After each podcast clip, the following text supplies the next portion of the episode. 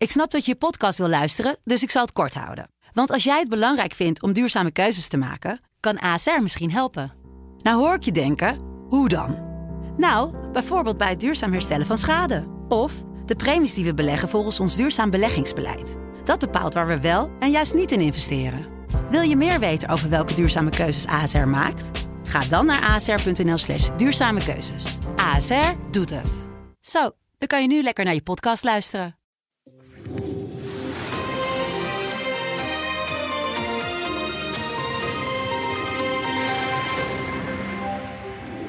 En welkom weer bij het gesprek met Paul Jansen, de hoofdredacteur van de Telegraaf, waarmee we wekelijks doornemen wat hem bezighoudt in het nieuws. Nou, Paul, deze vier die gaan toch voor een, je mag het niet zeggen, hè, een doorstart. Ja, ja, ja, ja. Rutte 4 zou erna kunnen komen met de ChristenUnie, VVD, CDA en D66. Hoe kijk je daarnaar? Nou, dat, dat we eigenlijk na een half jaar terug zijn bij af. Maar wel met hoofdrolspelers die allemaal flink beschadigd zijn. Het begon natuurlijk met Rutte. Uh, die uh, na het lek van uh, destijds de informateur, of de verkenner moet ik zeggen, Ja. Ollongeren, met de functie elders van, van Omtzigt, daar in het debat heel veel schade opliep en waarvan we eigenlijk dachten, gaat hij het nog wel redden? Vervolgens zei de leider van het CU, nou met deze meneer willen we geen zaken meer doen.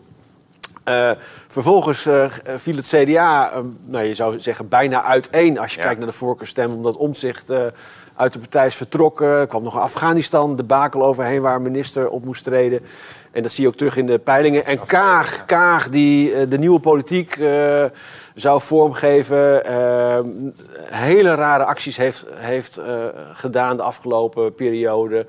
Met met zo'n schoollezing waar je ze dan ook weer uithaalt naar Rutte. En vervolgens toch weer met hem uh, gaat praten. Dus, dus er zijn vier hoofdrolspelers die in zes maanden tijd eigenlijk inhoudelijk niet zijn opgeschoten. Behalve dat ze alle vier beschadigd Ja. zijn. En dat is wel interessant om te kijken, ja, hoe gaat dan, dan nu de komende tijd verder? Ja. Eén ding wil ik daarbij nog aangeven. Je zag vorige week al dat Kaag eigenlijk de, de, de, de draai zou gaan maken. Hè, toen ze zei van nou, we willen toch weer met, met, ook met CU. Uh, eventueel om de tafel. En wat ik interessant vond, is dat ze daarbij wel een aantal piketpalen sloeg. Mm. Uh, we moeten uh, het voorop lopen bij klimaataanpak. Ze wilde veel doen aan ongelijkheid. Ze wilde mee aan het stuur zitten in Europa. Dus zij, zij heeft wel, wel Ja. op hoofdlijnen, maar een paar piketpalen geslagen. Die eventueel ook nog wel als nooduitgang kunnen worden gebruikt. Als het de komende tijd niet, niet de kant op gaat. Uh, die D66 bevalt. En misschien wel met een half oog op de peilingen. uh, als ze misschien iets weer herstellen Ja. van uh, de neergang die ze nu hebben ingezet. Ja, progressief en genereus noemen ze het volgens mij ook nog eh, Ja. gisteren. Ja. Ehm, uiteindelijk, veel oppositiepartijen zeggen natuurlijk... ja, we krijgen meer van hetzelfde en dat Ja. moeten we nou juist niet meer willen. Dat is natuurlijk ook een beetje de ketelmuziek die je gewend eh, bent. Er komt wel eh, aandacht voor die nieuwe bestuurscultuur. En Remkes zei ook, ja, het zal inhoudelijk toch ook een heel ander kabinet gaan worden. De inhoud zal op een groot aantal punten anders zijn, want de inhoudelijke agenda voor de toekomst is een andere dan de in- inhoudelijke agenda van eh, 2017. De onderwerpen staan ook in het, eh, eh, in het eindverslag aangeduid. Ik hoef ze hier eigenlijk niet te herhalen. Klimaat, stikstof, woningmarkt, onderwijs. En dat ben ik niet volledig. Nee, laten we die woningmarkt er even bij halen. Want dat Zeker is- niet volledig, want hij vergeet migratie. Hè? Ja. Bevolkingsgroei is een van de grootste. Dat houdt namelijk ook de woningmarkt en klimaat komt allemaal samen. En het is logisch dat de agenda niet hetzelfde is als in 2017, want de wereld is wel behoorlijk veranderd. Maar we moeten niet vergeten, en, en dat, vind, dat is het enige, eigenlijk mijn belangrijkste zorg aan een doorstart. We zijn het bijna vergeten, maar het kabinet Rutte 3 was toch wel het kabinet wat eigenlijk niks voor elkaar kreeg. Al die dossiers die vastliepen, van pensioen tot toeslagen, van stikstof eh, tot PFAS, met, met, met een, tot eh, 17.000 projecten die gestopt moesten worden, met dwangsommen eh, voor asielzoekers, omdat de asielzoekverzoeken niet snel genoeg Ja. werden afgehandeld. Alles liep in de soep. En er werden eigenlijk heel weinig majeure besluiten genomen. Nou, zoals de informateur aangeeft, er liggen nu echt een paar hele belangrijke dossiers op tafel. Je kan dat niet weer eh, aanpakken eh, Nee. met, met op de manier zoals dat in Rutte 3 is gegaan, waar eigenlijk alles vastliep. Ze eh, zich telkens weer lieten verrassen. Beleid niet doordacht was. En ik, ik maak me daar heel erg grote zorgen over. En met name, nou, daar komen we nu over te spreken, over de woningmarkt. Ja, want het Internationaal Monetair Fonds, eh, een VN-organisatie geloof ik, die zich Ja. inzet voor eh, landen waar financiële crisis heersen, Ja, om het even ja. te kaderen. Die hebben gezegd van ja, die, die woningmarkt die is ongezond. Wat je zou kunnen doen is, of misschien wel moeten doen, is het, het, woningbezit in box 3 doen. Dus dat je daar meer belasting over gaat. Van inkomen betalen. naar vermogen. Precies, ja. Ja. Ehm, dat vind jij geen goed idee? Nou, allereerst, eh, eh, toen ik dat las, dacht ik, hier gaan we weer. Want ook eh, de Nederlandse Bank en het Centraal Planbureau hebben dat eh, in de afgelopen jaren wel eens geopperd. En toen ik dus het rapport las van die VN-organisatie, eh, stond er helemaal onderaan stond een, een, eh, een dankzegging. En wie bedankte ze daar voor de input?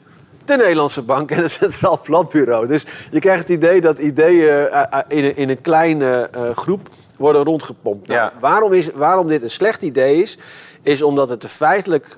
dit betekent dat je woningbezitters zwaarder gaat aanslaan. En je kan dan, dan een, een, een, een bodem erin zetten... dat je vrijstelling Ja. krijgt tot een x-bedrag. Maar het komt er uiteindelijk op neer dat mensen die huizen bezitten... dat wordt gezien als vermogen Ja. Dat dat zwaarder wordt aangeslagen. Nou, waarom is dat nou echt een onzalig plan? Ten eerste, het probleem op de woningmarkt heeft eigenlijk twee oorzaken. Dat is A, er is te weinig aanbod. Want er wordt al jaren onvoldoende gebouwd. Minister Ollongren eh, wappert wel van... kijk, ons is goed bezig zijn de afgelopen jaar. Forget it. Ook veel te weinig ambitie. Het tweede is dat de eh, rente, Europese rente zo laag is... Ja. En, da en daardoor de hypotheekrentes ook, dat, dat de prijzen verder doet stijgen. Omdat mensen, ja, er is schaarste in aanbod. Mensen eh, he- hebben meer mogelijkheden om te lenen en, dat eh, jaagt die prijzen verder omhoog. Nou, dat zijn eigenlijk de twee effecten. Als je een, een, eh, een, een fiscale verhuizing voorstelt van box 1 naar box 3, eh, doet dat helemaal niks aan die oorzaken. Er wordt geen huis extra doorgebouwd. En die, eh, die rente die blijft ook laag. Het heeft wel echt fatale negatieve gevolgen. Want wat gaat er uiteindelijk gebeuren? Is dat met name oudere mensen die al veel hebben afgelost Ja. op een hypotheek. Wat nota bene door diezelfde Nederlandse bank eerder is aanbevolen. Hè, omdat de hypotheekschuld in Nederland zo groot, ja. zo groot was. Maar de mensen die dus braaf hebben afgelost. Wat inmiddels ook verplicht is gesteld door het kabinet. Je moet aflossen. Die worden zwaarder aangeslagen. Omdat hun vermogen, minus Ja. schulden. Daar moeten ze dan volgens die exercitie van het IMF moeten ze daar eh, eh, belasting over betalen. Nou, wat, wat ga je dan zien? Is dat, dat mensen, vaak gepensioneerden, mensen die niet meer flexibel zijn in inkomen, die hebben een AOW en een pensioen. Of soms alleen een AOW, eh, maar dan zitten ze toch doorgaans in een huurwoning. Maar in ieder geval, die zijn qua inkomen eh, niet flexibel. Dat zijn ook pensioenen die al jarenlang niet zijn geïndexeerd door die lage Europese rente. Die zouden dan de dupe zijn. En wat je uiteindelijk gaat zien, is dat eh, de oudere generatie worden eigenlijk uit hun huizen gejaagd. Dus je krijgt verdringing op de markt. Terwijl er geen huis wordt bijgebouwd. Ik denk dat dat een hele slechte, slechte trend zou zijn. Ook he- heeft niets te maken met solidariteit tussen de generaties. Eh, en het leidt er alleen maar toe als voordeel dat de fiscus meer geld ophaalt. Nou, dan vraag je je natuurlijk af waarom het IMF in navolging van het CPB en de DNB dan met zo'n voorstel komt. Er zijn twee redenen voor. Allereerst dat volgens de modellen, want zo wordt er daar gewerkt, de woningprijzen daardoor wel met 11% zouden dalen. Maar dat is natuurlijk op een hele, hele ongezonde manier. En het tweede, en dat is een interessante, en dat wordt niet hard, hardop uitgesproken. Zo'n exercitie waarbij het huis van box 1 naar box 3 gaat en dus in de vermogenspot meerekent, past helemaal in de filosofie of in de ideologie die in progressieve kringen eh, bon ton is. En dat is die, dat vermogen de motor is achter ongelijkheid. En daar moet wat aan gedaan worden. Dat zijn van economen als Piketty en die willen het, het vermogen aanpakken. En dit past daar helemaal Ja. in. Maar het argument eh, wat wordt aangehaald dat het eerlijker is dat als een huurder een, een bak spaargeld heeft, hij daar wel belasting over betaalt. En als een, iemand een woning heeft waarin hij veel heeft afbetaald, die daar op geen belasting over betaalt, of op een andere eh, manier misschien wel, valt daar dan niks voor te zeggen? Het is, het is, kijk, dat eerlijke, dat hoor je ook zo vaak. Het is appels met peren vergelijken. En eh, uiteindelijk is, de- zit de wereld niet eerlijk in elkaar. Omdat we verdienen niet allemaal in Nederland hetzelfde salaris. Dat komt ook omdat we niet allemaal hetzelfde werk doen. om maar eens wat te noemen, weet je wel. En ik las laatst, maar dat is, dat is een hele andere zijstraat, uh, uh, was in het nieuws dat, dat uh, vrouwen, geloof ik, minder pensioen uh, hebben dan, dan mannen. Ja, omdat ze ook veel minder werken. Dat is niet alleen een kwestie van lagere beloning. Maar, dus je moet heel erg oppassen dat je appels met peren vergelijkt. Waar het hier om gaat. En dat vind ik, daar moet de overheid. En dus de overheid heeft daar niet een hele, hele beste track record in. De overheid moet betrouwbaar zijn naar, naar de burgers. Ja. Dus als jij als burger een langlopende verplichting bent aangegaan. En daar ook richting je pensioen of na je pensioen alles op hebt ingericht, moet de overheid niet halverwege nee. de wedstrijd die spelregels gaan veranderen door zo'n ingrijpende maatregel als van box 1 naar box 3. Ja. Terwijl dat helemaal in de kern niets oplost. Het is ideologisch misschien wel, uh, wel, wel interessant voor uh, mensen die, die vinden dat die ongelijkheid moet worden aangepakt via het vermogen. Maar uh, uiteindelijk lost het niets op, want het leidt alleen maar, zoals ik al zei, tot ja. verdringing. En tot slot, want in de politiek uh, is het draagvlak om dat nou op korte termijn in te voeren met een lage drempel, is ook niet zo groot. Hè? Dus het zal nee, het de komende is... jaren of in het huidige nee. komende kabinet worden ingevoerd. Nou ja, dat, kijk, eh, D66 heeft wel in het verkiezingsprogramma staan dat ze dat eigen woningforfait progressief willen, ja. willen verhogen. Dus, maar dat, dan zit je wel weer in, in box 1. Uh, maar het, ik, ik word altijd argwanend van dit soort adviezen in, in, uh, in dit soort periodes. Omdat je, je weet nooit wat de dynamiek nee. kan zijn. Nee. Uh, en er moet misschien nog ergens een financieel gat worden gedicht. of ze willen die huizenprijzen toch laten afkoelen. En dan kan er met zo'n met zo'n nood... remprocedure, zoals ik dan maar even zie, kan, of noodoplossing, kan, kan misschien iets worden ja. vlot getrokken. Maar het, het, klopt, het is tot nu toe is het, altijd afgeschoten door politiek Den Haag. Met name de VVD uh, uh, wil daar helemaal niet aan.